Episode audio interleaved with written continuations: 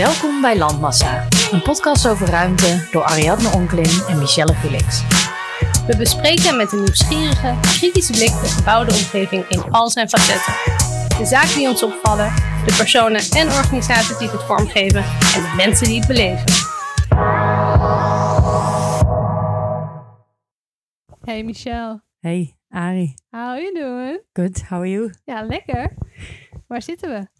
We zitten weer eh, in mijn, op mijn eh, tijdelijke stekkie op Doornburg. En we zitten nu in de binnentuin, wat echt amazing is. Echt een walhalla met bloemen. Ja, het is echt paars, oranje, groen. Eh, er staat een artichok recht Ja. voor ons. Lekker. Het is fantastisch. Wel een beetje balen dat ik mijn hooikoortsmedicijn ben vergeten. Maar ja, hey. Maakt niet uit. Dus als er een nieuws volgt zometeen, dan weet je wie het is. C'est moi. Hey, ehm, vandaag hebben we ook. eh, het is goed dat we op zo'n mooie plek zitten, want we hebben ook een hele speciale aflevering. Een bonusaflevering. Ding, ding, ding, ding. Bam, bam, bam. En eh, nou, onze bonusaflevering, onze eerste van twee. Ja. eh, die heeft alles te maken met de Dag van de Architectuur die vorige week plaatsvond. Arie en ik waren twee dagen lang bij Arkham aanwezig. En ehm, we hebben eigenlijk rondgelopen, we hebben geluisterd, we hebben gesproken met allerlei mensen. En ehm, het ging over twee thema's. Eh, de eerste dag ging het over de nieuwe tijdlijn van Arkham. Ja. Waarover we het vandaag gaan hebben. En de andere eh, dag ging over het Tilpic ornament. Heerlijk. Dag 2 wordt de volgende aflevering. Eh, ook heel interessant. Ja, dus eh, we zijn benieuwd wat jullie vinden van, onze, van deze twee bonusafleveringen. Het is een leuke, leuk experiment Het is een eigenlijk. heel experiment. En we hebben gebe- ge- ge- geprobeerd om, ehm, om het helemaal wel in ons eigen format te, te, ja, te fixen. Ja, maar het, ik, het, het goede was eigenlijk dat vorige week die lezingen en, eh, eh, en het, ook vooral de discussie ook die daarna steeds ontstond tijd na de lezingen, eh, dat het gewoon heel veel, hoe noem je dat, denkvoer Ja. opleverde. En vooral veel discussiepunten ook, denk ik. Ja, Ehm, zeker. En daarom is misschien die van vandaag. Nou, dit is eigenlijk is, de- is de, de hele uitzending denk ik een goed discussiepunt. Want die eerste aflevering ging over de tijdlijn. Ja, vertel even over die tijdlijn, Michel. Want Arkham had vroeger, toen wij er werkten, ook een tijdlijn. Precies. Nou, wij, eh, wij werkten dus allebei bij Arkham eh, een aantal jaar geleden. En toen was er op de benedenverdieping, waar wij elke week een soort lezing gaven over de historie van de stad. De crash course. De crash course, hartstikke leuk. Eh, daar kwamen vooral ja, toeristen, denk ik. En soms ook stadsbewoners eigenlijk. Zeker. Die luisterden dan een uur naar wat wij te vertellen hadden over de historie. En Ik denk dat ik hem nog steeds zou kunnen geven. Zo vaak hebben we hem Oh, gegeven. totaal. Ik ook, Ja. Uit mijn hoofd. Ik zie ook de slides voor me. Ik zeg maar de, de plaatjes. Ja, hartstikke leuk. en, ehm, en wat daarbij ook altijd een handig hulpmiddel was, was dus de tijdlijn die daar op de muur was bevestigd. Eigenlijk een soort... ehm, nou, het ging van, ik geloof, acht, het jaar 800 tot, eh, tot het jaar 2005 ongeveer, denk ik. Ja. En dan zag je dus eh, foto's van de belangrijkste gebouwen van de stad. Dus dat ging van eh, het Houten Huis, dus een van de, de laatste Houten Huizen die nog... Bij eh, het Begijnhof. de Geinhof. eh, via het Scheepvaarthuis, via eh, het Burgerweeshuis van Alde van Eyck, de Openluchtschool, naar onder meer Arkham, eh, Muziekgebouw aan het Ei, dat soort, Klopt, dat ja. soort Maar op gebouwen. een gegeven moment stopte het. En toen dacht je, oké, we zijn nu al eh, tien jaar verder. Vijftien jaar Exact. verder. En eh, dan, nou ja, dat dacht Arkham dus ook. En eh, die hebben zich nu ingezet om een nieuwe tijdlijn te maken. En daarbij hebben ze wel één grote keuze gemaakt. Namelijk, ze hebben niet gekozen om op die wand dus een tijdlijn van, van 0 tot nu te doen. Een tijdlijn van 2000 tot 2020. Met een klein open plekje voor ook wat er misschien in de toekomst nog bij komt. Ja, een soort van verwachtingen. Ja, en ehm, nou, daar hebben we dus eigenlijk de eerste dag hebben, heeft Arkham een aantal mensen gevraagd om daar eens, eens wat over te vertellen in een lezing. Ja. En wij hebben natuurlijk ook heel goed naar die tijdlijn gekeken. Zeker weten. Laten we er gewoon lekker induiken. Laten we ons helemaal terug in de tijd gaan. Love it. Love it. Let's go.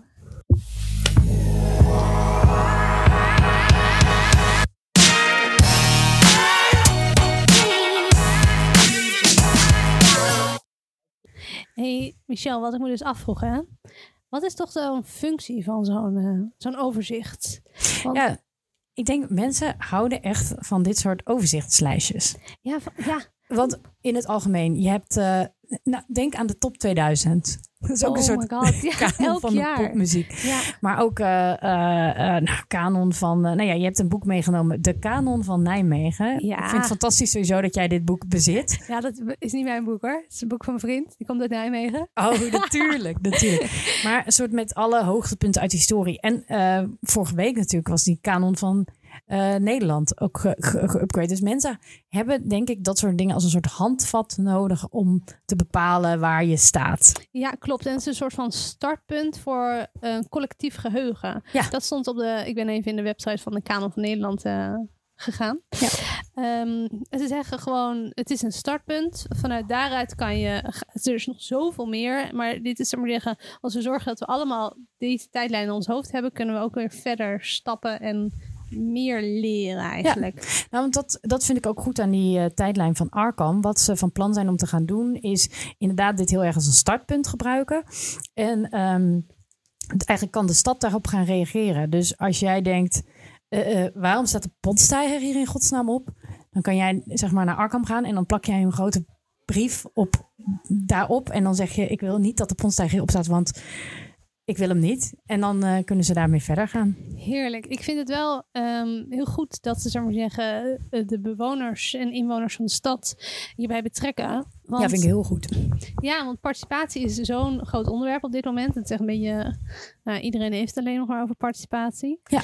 Maar um, op Nou, wat voor manier ja. doe je dat dan? En daar wordt heel erg groot onderzoek naar gedaan door iedereen, onder andere door de Rijksdienst. Nou, en je merkt ook heel erg tijdens de, die dag van de architectuur, in alle discussies kwam ook een beetje naar voren dat, um, uh, dat de architectuurwereld, of die, dat het ook best wel eenzijdig is. En uh, wie Heel. bepaalt hoe alles eruit ziet? Ja, een bepaald deel van de mensen. Dus het is ook logisch dat je die kanon, dat je misschien inderdaad mensen uit het vakgebied laat meedenken hierover. Maar dat je vervolgens ook iedereen die in de stad leeft en die dus gebruik maakt van die gebouwen, die die gebouwen elke dag ziet, dat zij daar ook iets over te zeggen hebben. Vind ik heel goed. Ja, want iedereen heeft ook zijn eigen uh, herinneringen en zijn eigen kader eigenlijk. Nou ja, we hadden het net over. Jij woont bijvoorbeeld al je hele leven in Zuid. Ja. Jij zal misschien ook andere projecten bedenken dan ik die in West woon nu. Nou ja, bij zo'n kanon samenstellen zag ik in, uh, op de website van de Nederlandse kanon, maar ook in het boekje van de kanon van Nijmegen, is dat ze altijd met een commissie werken Ja. en dat publiceren. En daarom vond ik het heel erg slim dat Arkham uh,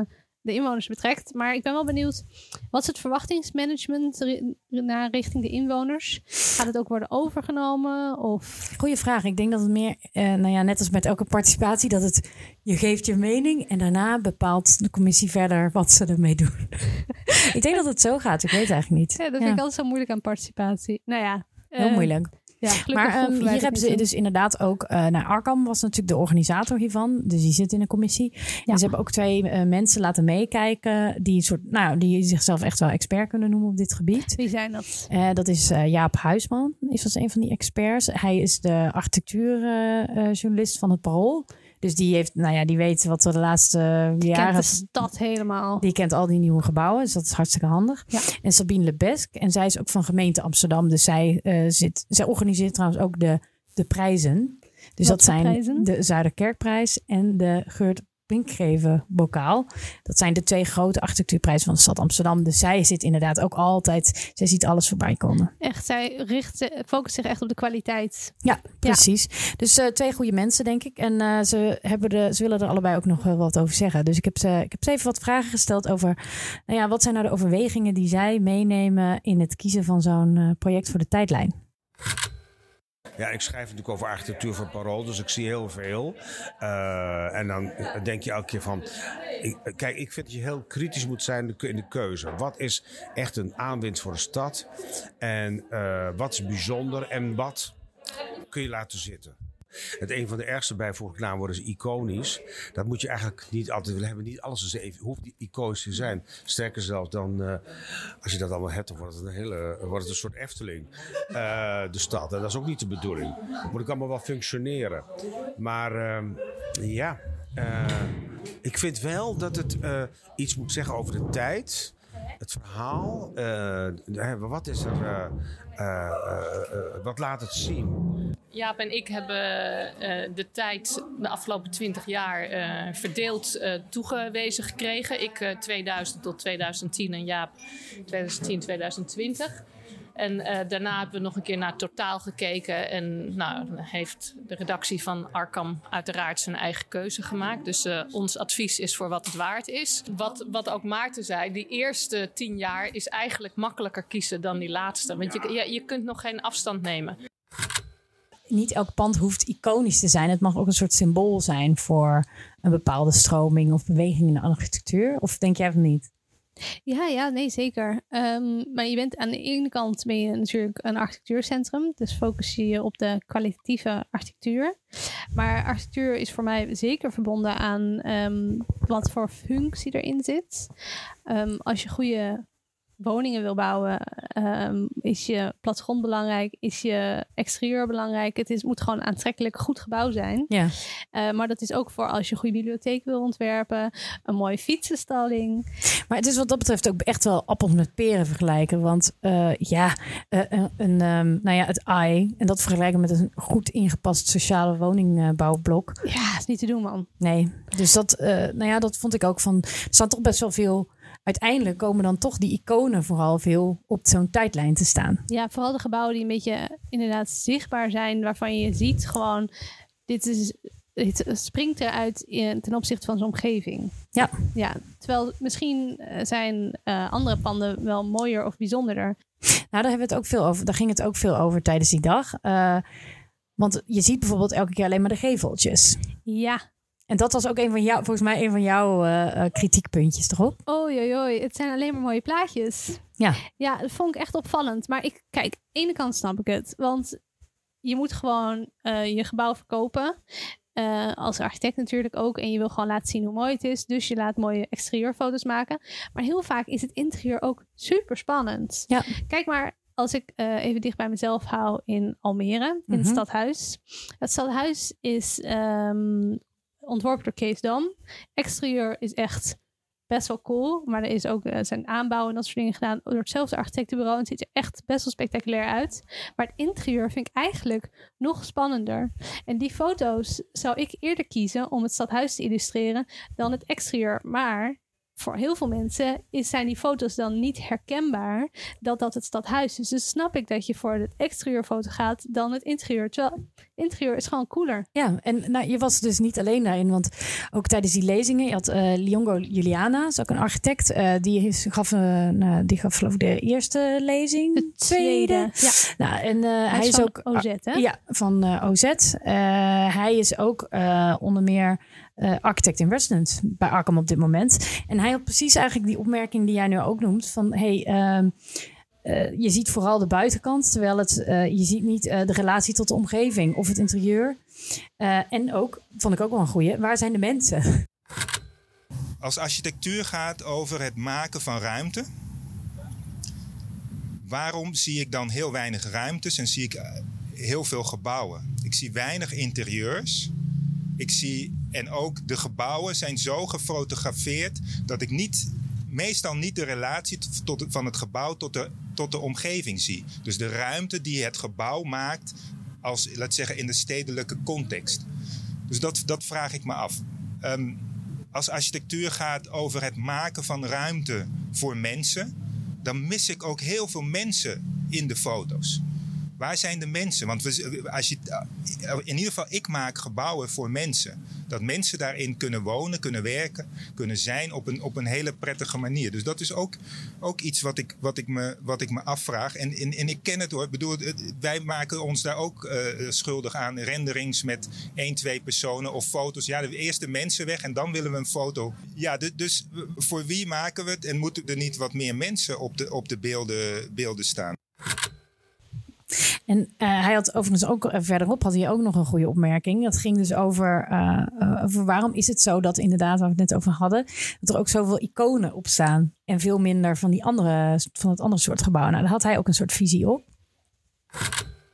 dat alleen de, de gebouwen echt eh, als een soort iconen er staan, dat is ook niet gek. Dat, dat, dat is de tijdsgeest. Dat is, dat is hoe we de afgelopen 20, 30 jaar naar architectuur hebben gekeken. Architectuur was het maken zo'n beetje van iconen. Het, het, het, sociale verhaal van, van architectuur, het oplossen van problemen van de maatschappij, dat, dat was niet sexy om, om, om dat te doen. Kijk, ik, ik, ben daar, ik ben enorm geïnspireerd toen ik in 2010 naar, naar, naar Medellin, naar Colombia ging. En zag, daar hebben ze wat ze noemen urbanismo sociaal, dus sociale stedenbouw.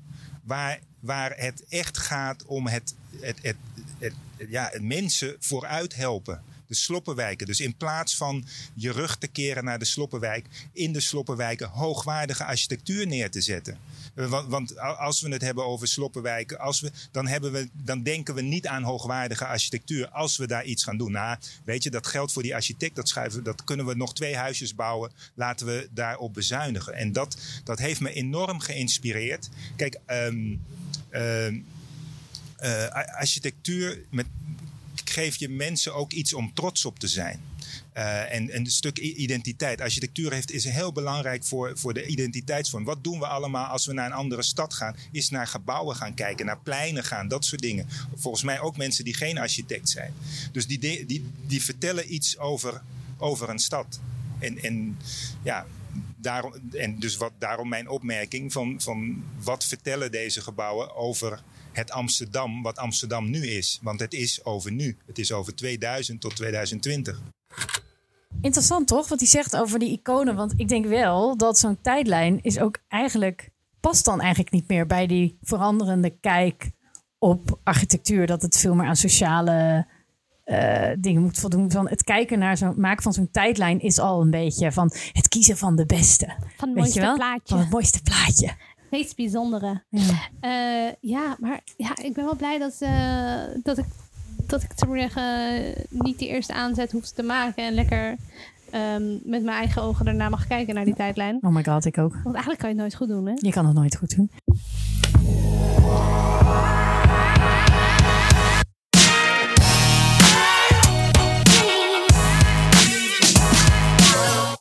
van Hanneke Keijnen. En zij is landschapsarchitect. Dat is een heel ander beeld, denk ik. Precies. Nou, ja. En dat was toch wel een eye-opener. Haar lezing was eigenlijk een bloemlezing van alles wat er dus in de laatste twintig jaar is gebeurd in de openbare ruimte. En wat betreft groen in Amsterdam. En het was echt een lijst dat je echt denkt van wow, er zijn er is zo extreem veel gebeurd. Het was echt heel tof om dat te horen. En ik dacht ook inderdaad van wow, er zijn echt zoveel meer uh, publieke ruimte, projecten, die dan eigenlijk een plaats verdienen in die, in die tijdlijn. Uh, en zij noemde dus ook het, nou ja, het Westerpark, maar ook onze fabuleuze Puccini-methode. Puccini, oh, laat horen. Maar ik begin er één, 2001, met eentje die niet op de tijdlijn staat. dat was natuurlijk te verwachten. en dat is de Puccini-methode. De Puccini-methode die is genoemd naar uh, de bonbonnerie, de Puccini-bonbonnerie in de Staalstraat. Het is echt waar.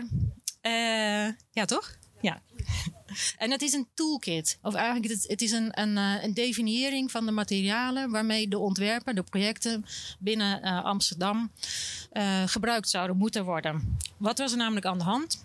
Eind vorige eeuw, hè, ik vertelde net die openbare ruimte als motor voor ontwikkelingen. Uh, toen ging er als een razende roeland, werden allerlei plekjes in Amsterdam werden heringericht. En iedere ontwerper deed het weer op zijn eigen manier. Dus er werden hele bijzondere plekjes, maar het werd wel een soort cacophonie aan, uh, aan plekken en materialen. Dus was een, uh, begin deze eeuw was er een roep om eenheid in rust. Um, dus Puccini. En een project waar ik weet dat wij ook allebei het al over hebben gehad, is de Rode Loper. Ja, de Rode Loper, die heeft, is zo bepalend geweest voor Amsterdam de afgelopen jaren. Ongelooflijk. Want uh, nou, de Rode Loper is eigenlijk het project waarbij van het Centraal Station tot en met, uh, nou, dat best wel ver. Muntplein? Centuurbaan. Of Centuurbaan nog. Helemaal, helemaal verder. Ja, loopt helemaal de pijp in. En daar hebben ze, nou ja, je herkent het aan de rode klinkertjes die daar lopen. Uh, maar ze hebben dat hele publieke ruimte, dat hele gebied, eigenlijk samen met de komst van Noord-Zuidlijn, hebben ze helemaal aangepakt. Het ziet er heel goed uit. Gewoon dat je de wandel, wandeling kan maken vanuit het Centraal Station, dus de, naar, naar het zuidelijke gedeelte van de stad. Ja, en als je het dan hebt over projecten die de laatste 20 jaar impact hebben gehad op de stad. Nou, dan is dat er zeker eentje die, die, eh, Ja, die heel belangrijk Die eh, is. verbindingen in de stad zijn echt, staan echt hoog op de agenda, vind ik. Ja. Eh, want je hebt de rode loper, maar je hebt ook de oranje loper. Daar hebben we Oh, het waar ook al een keer die? over gehad. Is dat ehm, in Nieuw-West? Nee, die gaat van de Dam door de Raadhuisstraat, door de Kinkerstraat, Ja. Roosgracht. Oh ja, natuurlijk. Dat is de oranje loper. En dat is ook zo'n verbinding waar ze nu heel hard mee ehm, Ja. aan de slag gaan.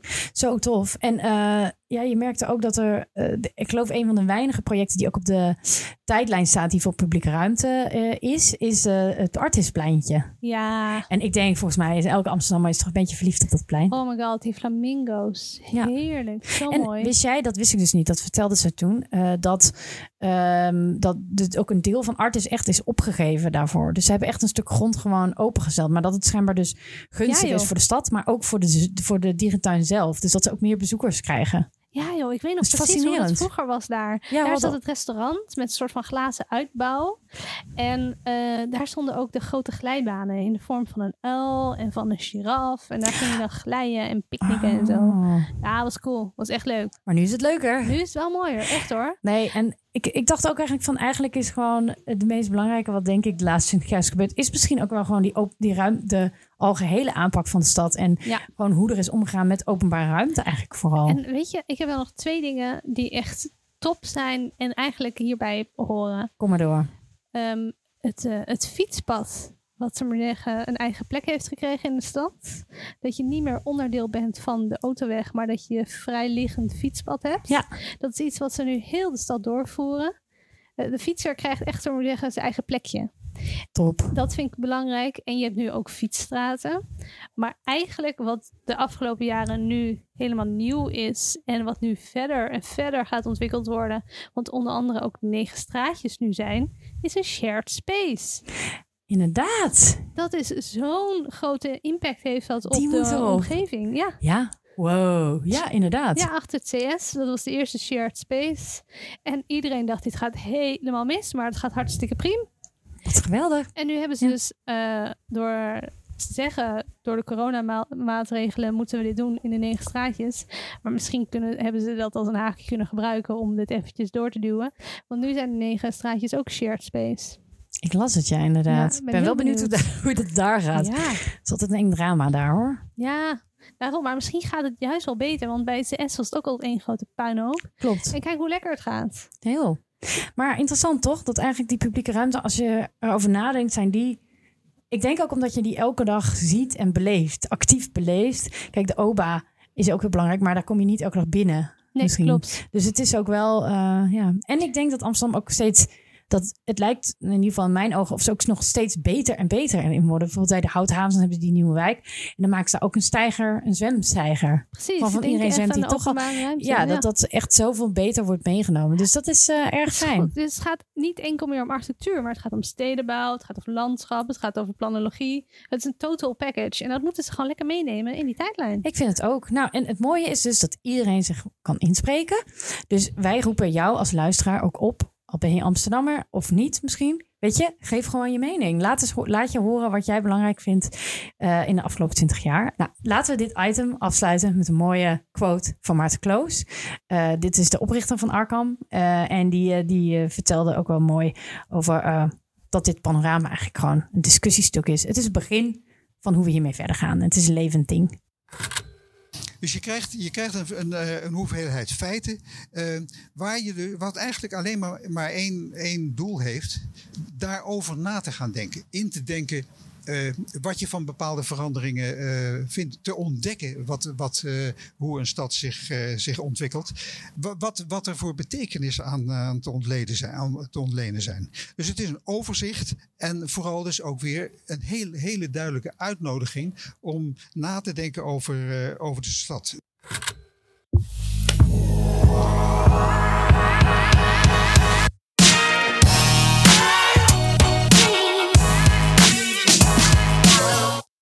Hey Arie. Yes, girl. Oké, ik denk dat jij het ook hebt gemerkt. We hebben het ook al gehad hoor. Maar die twee dagen van de dag van de architectuur was één onderwerp waar gewoon eigenlijk waar het helemaal over ging. Ondanks dat het niet het onderwerp van de dag van de architectuur was. de gemoederen echt eh, goed Ja. bezig. Nou, dat was dus de kwaliteit van de huidige woningbouw en de woningplattegrond. En Misschien omdat het ze zo bezig hield dat ze Echt? eigenlijk dachten van... wat is het de laatste twintig jaar ruk gegaan met die woningen? Precies. Nou, en elke spreker eh, had dus wel een, een onderwerp, of een, die kwam het aan bod in de lezing. En eh, ik wil er hier een paar laten horen. Ja. Eh, nou, de eerste die ik wil laten horen, en zij, nou, volgens mij ging bijna haar hele lezing ging echt over woningbouw. Dat was Fenna Haakma-Wagenaar. Zij is echt cool. Zij zit in Almere in de commissie Welstand Ja. en Erfgoed. Goeie, ja, goeie job sowieso. Heerlijk. En eh, zij houdt zich ook in eh, Nieuw-West vooral bezig met gewoon, eh, ja, eigenlijk het hele, de hele verbetering van, van de stad. Ja, want zij werkt voor de gemeente Amsterdam. Echt Precies. een top functieomschrijving. Hoe heet ze? Wat is de functie? Ze is een hoofdontwerper. Zo briljant. Dat is toch badass? Ja, en nou, ze, ze, zij heeft het dus heel erg over dat tegenwoordig woningen eh, misschien niet eens meer ge- gemaakt worden om gewoon echt in te leven, maar alleen maar om te slapen. Eh, nou, ik, ik laat haar even aan het La- woord. laat horen. toen ik in 2016 eh, terug naar Nederland ging, zelf omdat ik zelf in een kleine woning woonde, die te klein werd voor mijn twee tieners. En ik niks kon vinden, tenzij ik ver uit de stad wilde, eh, moest gaan wonen. Toen dacht ik dan, dan is nu de tijd om weer een sprong te maken naar Nederland. Ehm, waar nog net eh, de woningen betaalbaar waren. Ehm, en ik woon nu in Nieuw-West. En ik eh, kreeg uiteindelijk een baan in Rotterdam en later in Amsterdam. Dus nu als eh, hoofdontwerper in de ringzone. Wat ik niet had kunnen vermoeden toen ik hier terugkwam, was dat wat er in die 15 jaar absentie allemaal was verdwenen aan eh, regelgeving, aan kwaliteit, maar ook echt eh, wat er opeens allemaal mocht hier in Nederland. Ik kon het niet begrijpen. Als je verder kijkt nog, en dan gaat het ook over corona, waar we het eerder over hebben.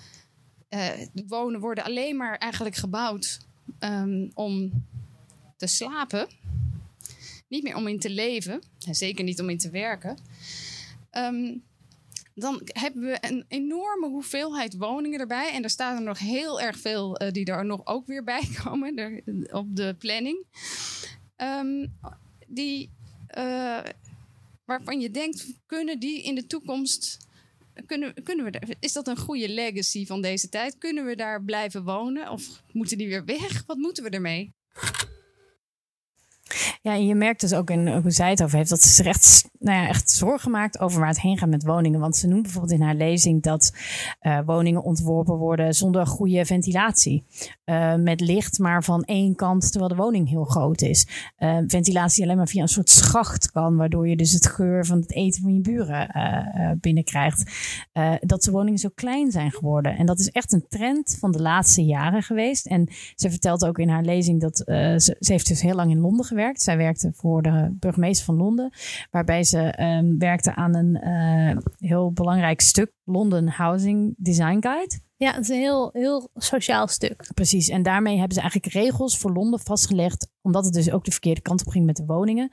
Van welke regels moeten woningen nou aan voldoen, zodat ze eh, een fijne plek zijn om te wonen en dat eh, ontwikkelaars niet alleen maar ja, voor de winst gaan en gewoon goede woningen bouwen. Wat, wat die architecten ook allemaal aangaven tijdens hun lezingen, is dat je als architect dus eigenlijk ook heel weinig vrijheid hebt. Dus er worden vanuit ontwikkelaar of vanuit gemeente worden, wordt eigenlijk een kavelpaspoort, wat eigenlijk eh, dat is de basis waarop jij je ontwerp gaat maken als, als architect, eh, die al helemaal dichtgetimmerd wordt. Dus dat je bijna ook geen creativiteit meer kan leggen in het ontwerp van de woningen of in de plattegrond. Dus je krijgt, en dat, dat noemden ze ook van, eh, eh, je komt binnen in een woning en je weet eigenlijk al precies waar de wc en waar de woonkamer en de keuken is, omdat het allemaal hetzelfde is. Er is geen ruimte voor een kapstok en je valt inderdaad Ja. hup, van het gangetje wat zo smal is, gelijk hup, de woonkamer in. Nou, en eh Liongo Juliana die had het daar dus ook over, over het keurslijf waar hij in zit.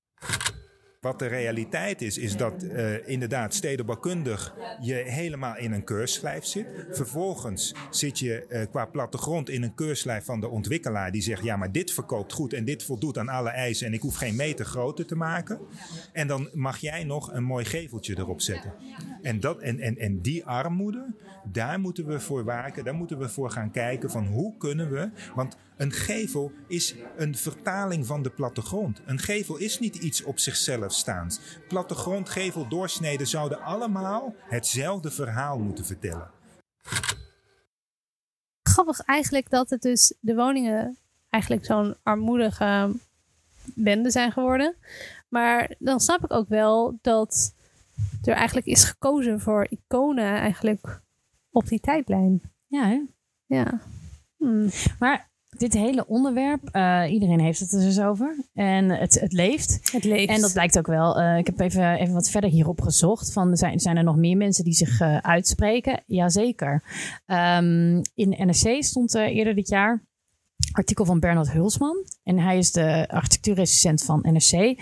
En uh, nou ja, de titel was De teleurgang van de sociale woningbouw in Nederland. Nou, dan weet je het wel. Uh, even een quote hieruit. Zo zijn in Nederland niet alleen woningzoekende ZZP'ers, maar ook jonge Nederlandse architecten hard toe aan een renaissance van de sociale woningbouw. De coronacrisis biedt een mooie gelegenheid om die in gang te zetten. Oh, wat goed. Oh, wat leuk. Want ik keek gisteren een fragment van um, Nieuwsuur. en daar hadden ze dus over um, wat, dit, wat de coronacrisis voor gevolgen zal hebben op de woningplattegrond, op de gebouwde omgeving, hoe we de stad anders moeten gaan inrichten. Ja, want we hebben allemaal gemerkt hoe erg het is om thuis te zitten op 30 vierkante meter. Precies, dus ze zeiden ook, er kwamen heel veel mensen aan bod, zo van, laten we hopen en ons best doen om hier een nieuw soort van startpunt van te maken. Om terug te gaan, of nou terug te gaan, om gewoon vette woningen weer te gaan bouwen. Goede woningen Dus voor een renaissance. Want was het vroeger beter? Is het, is een renaissance of is het iets nieuws? Nou, zeker wel. Um, ik ben daar ook weer even ingedoken. En um, inderdaad, eigenlijk stond Nederland, uh, staat nou ja, misschien nu wat minder, maar stond altijd echt bekend om de grote kwaliteit van onze sociale woningbouw in het bijzonder. Nou ja, denk ook, uh, hier komen ze weer langs, maar uh, bijvoorbeeld de Amsterdamse school, weet je ja, wel. dat is paleizen voor de arbeiders. Ja, ontzettend veel zorgen voor me geven. En uh, nou, hoe dat ooit is begonnen, is eigenlijk vanaf rond 1900. Toen kreeg je de woningwet. Ja. nou, daarvoor mensen woonden in krotten, in sloppenwijken. Nou, denk allemaal, je kent de foto's wel misschien van, van bijvoorbeeld de Jordaan vroeger. Uh, je woonde met heel veel op een kleine ruimte. Uh, de ratten liepen rond. Zo stel ik ja, me dat dan voor. Precies. Overal viezigheid. Viezigheid. En uh, toen kreeg je dus de woningwet. En die maakte eigenlijk een eind aan al die slechte woonomstandigheden. Maar um, toen werd dus ook de, de volkshuisvesting werd gewoon, dat werd uh, een, een, eigen ministerie eigenlijk. Uh, of dat, dat viel onder een eigen uh, ja, dienst van de overheid. En dat is eigenlijk, die verantwoordelijkheid is steeds meer richting de markt geschoven in de loop der jaren. Dus vroeger was inderdaad, werden geloof ik, um, corporaties werden gewoon gesubsidieerd om goede woningen te bouwen. Ja. En uh, langzaam maar zeker is dat dus heel erg uh, veranderd.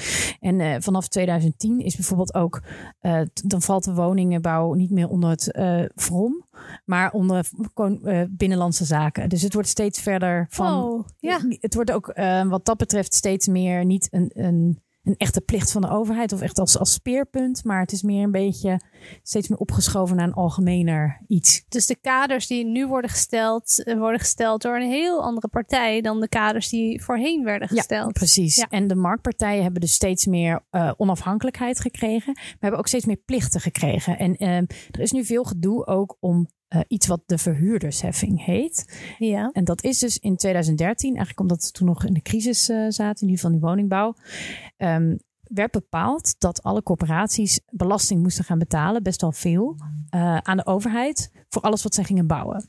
Ja. Maar op een gegeven moment, en die belasting die ze moesten betalen, is afhankelijk van de WOZ-waarde van die woningen. Dus je kunt je voorstellen dat nu die woningprijzen allemaal mega hoog zijn, dat dus die, uh, de, de, corporaties gewoon mega veel uh, geld moeten afstaan. Echt miljarden gaan, gaat het dan over.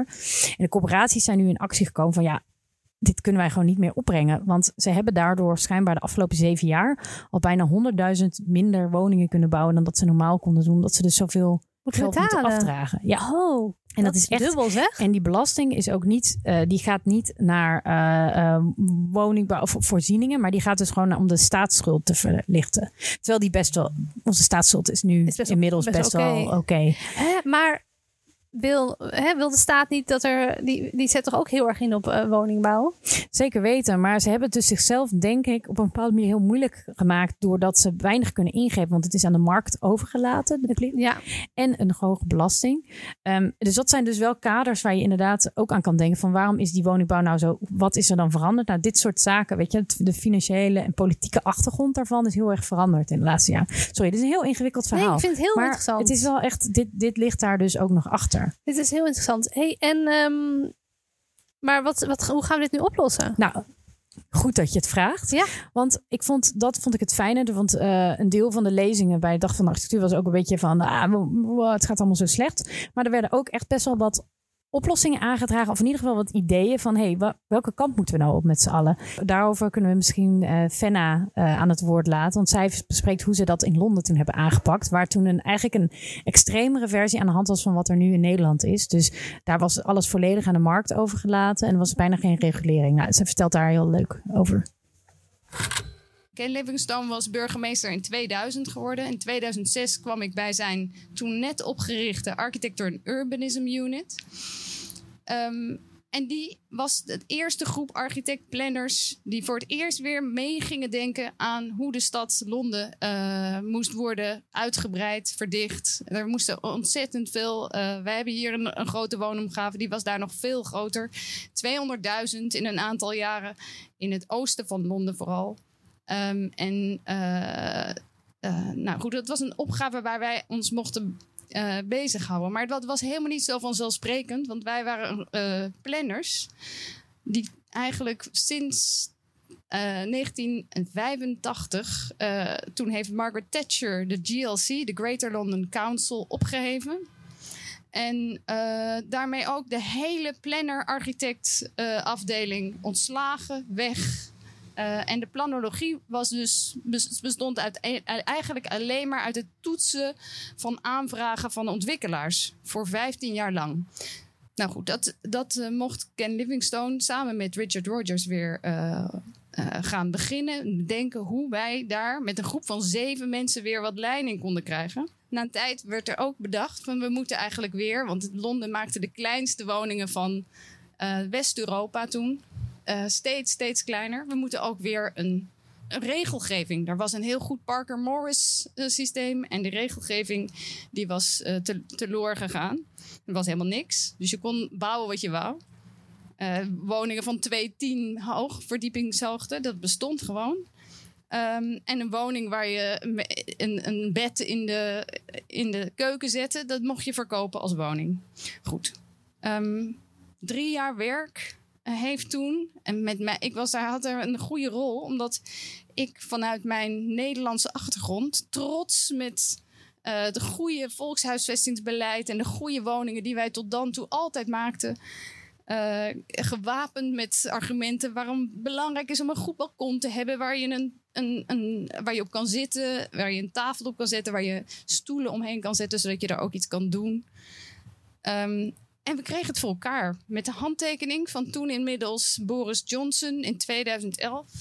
Hij lette even niet goed op, maar hij zette zijn handtekening onder een super sociaal document. Uh, wat ik ook nog wel even wilde uitlichten, was ook één, één bepaald gebied in Amsterdam, wat natuurlijk heel vaak aan bod kwam uh, rondom dit topic, en dat was de Belmar.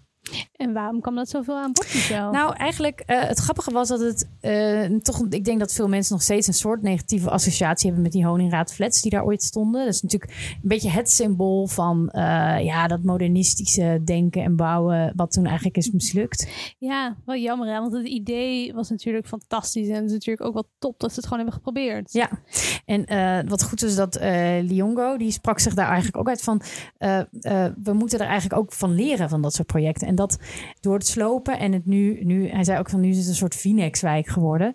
Ja. Um, dat er ook geen visie overheen is gekomen. Dus er wordt ook met minder visie gebouwd. En we leren niet actief van wat er ooit is misgegaan. Maar dat is ook iets van de tijd, ja zeker, maar van de tijd van nu. Um, als je gewoon eh, op je bek gaat, is niet erg als je er maar van leert. Maar in heel veel bedrijfsculturen, als je op je bek gaat, is het gewoon echt gewoon gênant. Precies. En, en je stopt het weg en je gaat door. In plaats van dat je met het hele, hele clubje even gaat bespreken, waarom is het misgegaan, wat kunnen we ervan leren en laten we doorgaan. Nou, en stel je voor, je werkt bij een woningcorporatie en je hebt een bepaald budget en jij moet daarvoor eh, een fantastisch iets wat winst maakt, eh, moet jij daar gaan bouwen. Want je hebt, moet eh, ook nog die belasting afdragen en je moet voldoen aan heel veel, een hele grote vraag qua duurzaamheid. Zou jij dan een jonge architect een leuk experimenteel nieuwe visie laten neerleggen? Dat doe je waarschijnlijk niet. Nee, want je denkt het kost, het is te veel risico. Dus het is eigenlijk hoe het systeem rondom woningbouw totaal is veranderd in de laatste jaren. Heeft gewoon al die impact op, op, op hoe onze wereld eruit ziet. En wat zeggen, laten we even luisteren naar wat ze zeggen, wat we eigenlijk hadden moeten leren van de Belmar. Als we weinig geld hebben, als we weinig ruimte hebben, dan moeten we nog meer energie steken juist in die plattegrond. Die plattegrond moet zo goed zijn. En het is zo gek dat het modernisme eigenlijk zo onpopulair is geworden. En dat, is, dat heeft heel veel slechts betekend, uh, vind ik, voor Nederland. Want ze hadden, uh, bijna is het gewoon een vies woord geworden. Hè? En dat, uh, helaas heeft de Bijlmer daarmee te maken. Als je de Bijlmer zegt, ja, iedereen weet waarom de Bijlmer fout is, dat moeten we nooit meer doen. Maar er staat zoveel goeds in ook. En dat is ook allemaal, dat is al die baby's die met het badwater zijn weggegooid. Dus dit is echt ongelooflijk. Het is een cultuur, een cultuur van ontwerpen. Uh, we, deden, ik herinner me bijna niet dat ik een gevel ontwierp uh, in, in Delft. Het was altijd de plattegrond. En, en nu is het echt een soort voormetaal plus een gevel. Dus inderdaad, die, die modernistische idealen, die. Uh, Licht, lucht en ruimte. Precies. Ja. Dat die toch eigenlijk best wel heel waardevol zijn. En dat die inderdaad wat meer zijn losgelaten. Dus. Um... Ja, ze droegen echt bij aan een kwalitatief lekker huis. Ja. Lekkere plattegronden. Wow, uh, best wel cool. Interessant, toch? Ja, echt vet. En um, nou, wat ik wel ook nog wel een mooie toevoeging hierbij is dat, um, want we spraken ook nog even met Maart Kloos hierna. En uh, nou, die vertelde ook heel erg over dat de cultuur toen ook best wel, of dat de cultuur altijd anders is geweest, ook op het gebied van architectuur, qua uh, debat, qua uh, bijvoorbeeld in de jaren tachtig kwamen dus al die kwamen de architectuurcentra op. En was er waren er heel veel uh, recensenten aan het werk en critici en architecten schreven echt veel spraken zich uit in de media. Er was, was ook veel media aandacht was echt een goede uh, voedingsbodem eigenlijk voor dat debat. En misschien nou ja, Maarten Kloos gaf dus aan dat dat nu ook uh, heel, heel erg anders is. Dat het echt is veranderd. Dus eigenlijk kwaliteit uh, was toen echt waar ze zich op richten. Ja, en, en vernieuwing en, en debat. En uh, er werd gewoon, het was meer iets wat in algemene media ook werd, werd besproken. Maar je merkt inderdaad dat dat nu langzaam een beetje weer uiteen is gevallen. Want je had inderdaad uh, het nieuwe instituut uh, was toen opgericht. Ja, en is nu. Het heette eerst het NAI, nu is het uh, nieuwe Nederlands Architectuurinstituut was het. Nu ja. is het nieuw instituut. En dan zie je dus dat um, het niet meer een op zichzelf staand onderwerp is, want het is samengevoegd met allemaal andere verschillende Precies. onderwerpen. Dus het is eigenlijk dat, ik denk ook die debatcultuur en um, dat, dat, dat het ook zoveel aandacht kreeg, ook vanuit de overheid en qua subsidiëring, ja. dat dat best wel ook een impact heeft op um, hoe, hoe zichtbaar het is voor mensen. Want je, eigenlijk als jij niet in architectuur zit en nou ja, dat, daar komen nieuwe woningen, die zijn zo groot, ja, daar moet je het mee doen. Je moet het ermee doen, tenzij je een enorme zak geld hebt en je eigen huis kan bouwen. Precies. Dus um, ik denk dat het wel uh, dat dat ook wel een factor van belang is. Dat dus dat debat misschien ook wat minder uh, uh, open is dan dat het eerder was. Interessant. Ja, toch? Ja. Dus eigenlijk wat we moeten doen is uh, een soort uh, goede regels opstellen vanuit de overheid. Van hoe gaan we nou goede woningen bouwen? Ja, moet meer eerst, debat zijn. Ik klopt. Maar eerst moet eigenlijk uh, het gefixt worden in de overheid dat er weer een clubje, een ja, hoe heet dat? Zo'n plan. Dat er echt een, hoe noem je dat? Een dedicated team. Dus een dat er echt een team komt, juist. Die zich hierop gaat richten en daar draagvlak voor creëert, geld voor krijgt, lekker die regels gaat uh, opstellen. Ja. De politiek die allemaal zegt, lekker doen, ga dit fixen. Want politiek draagvlak is zeer belangrijk. Dan wil je dit kunnen fixen. En dan uh, lekker de debatteren, lekker mensen bij betrekken. Participatie, super belangrijk. Ruimte geven aan architecten om gewoon mooie plannen te kunnen maken. En ook jonge, nieuwe architecten. Precies, nieuwe leren generatie. De, maar ook leren van de mensen die er Ja. al veel ervaring hebben. Nou, Arie, volgens mij hebben wij ons uh, woningbouwprobleem opgelost in Nederland. Ik denk het ook.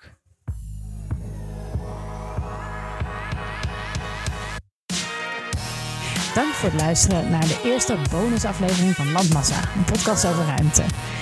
Deze podcast is gemaakt door Michelle Gulix en Ariadne Onkling. Vergeet je niet te abonneren op onze podcast in de podcast-app en volg ons op Instagram en Landmassa Podcast. Ook voor de show notes of bezoek onze website www.landmassa.nl.